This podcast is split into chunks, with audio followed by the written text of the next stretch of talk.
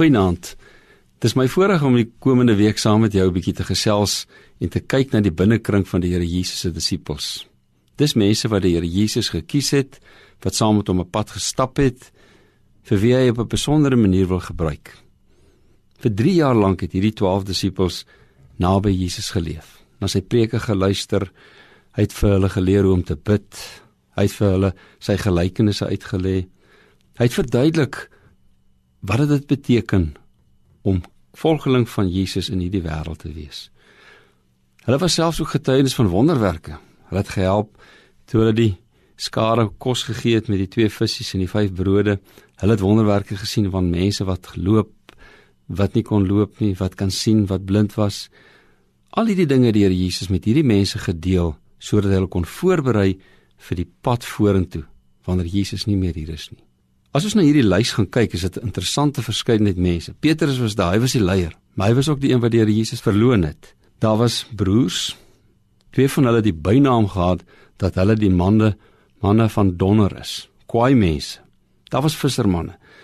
Daar was Thomas, hy was die twyfelaar. Hy was nie altyd seker nie. Hy het gesê sien is glo. Daar was Matteus. Hy was 'n tollenaar. Hy het aan die kant van die samelewing beweeg. Hy was die een wat die belasting ingesamel het, maar eintlik ook maar sy eie sak vol gemaak het. Dan was daar Simon die Seloot, 'n vryheidsvegter, 'n man wat elke dag sy persoonlike wapen saam met hom gedra het.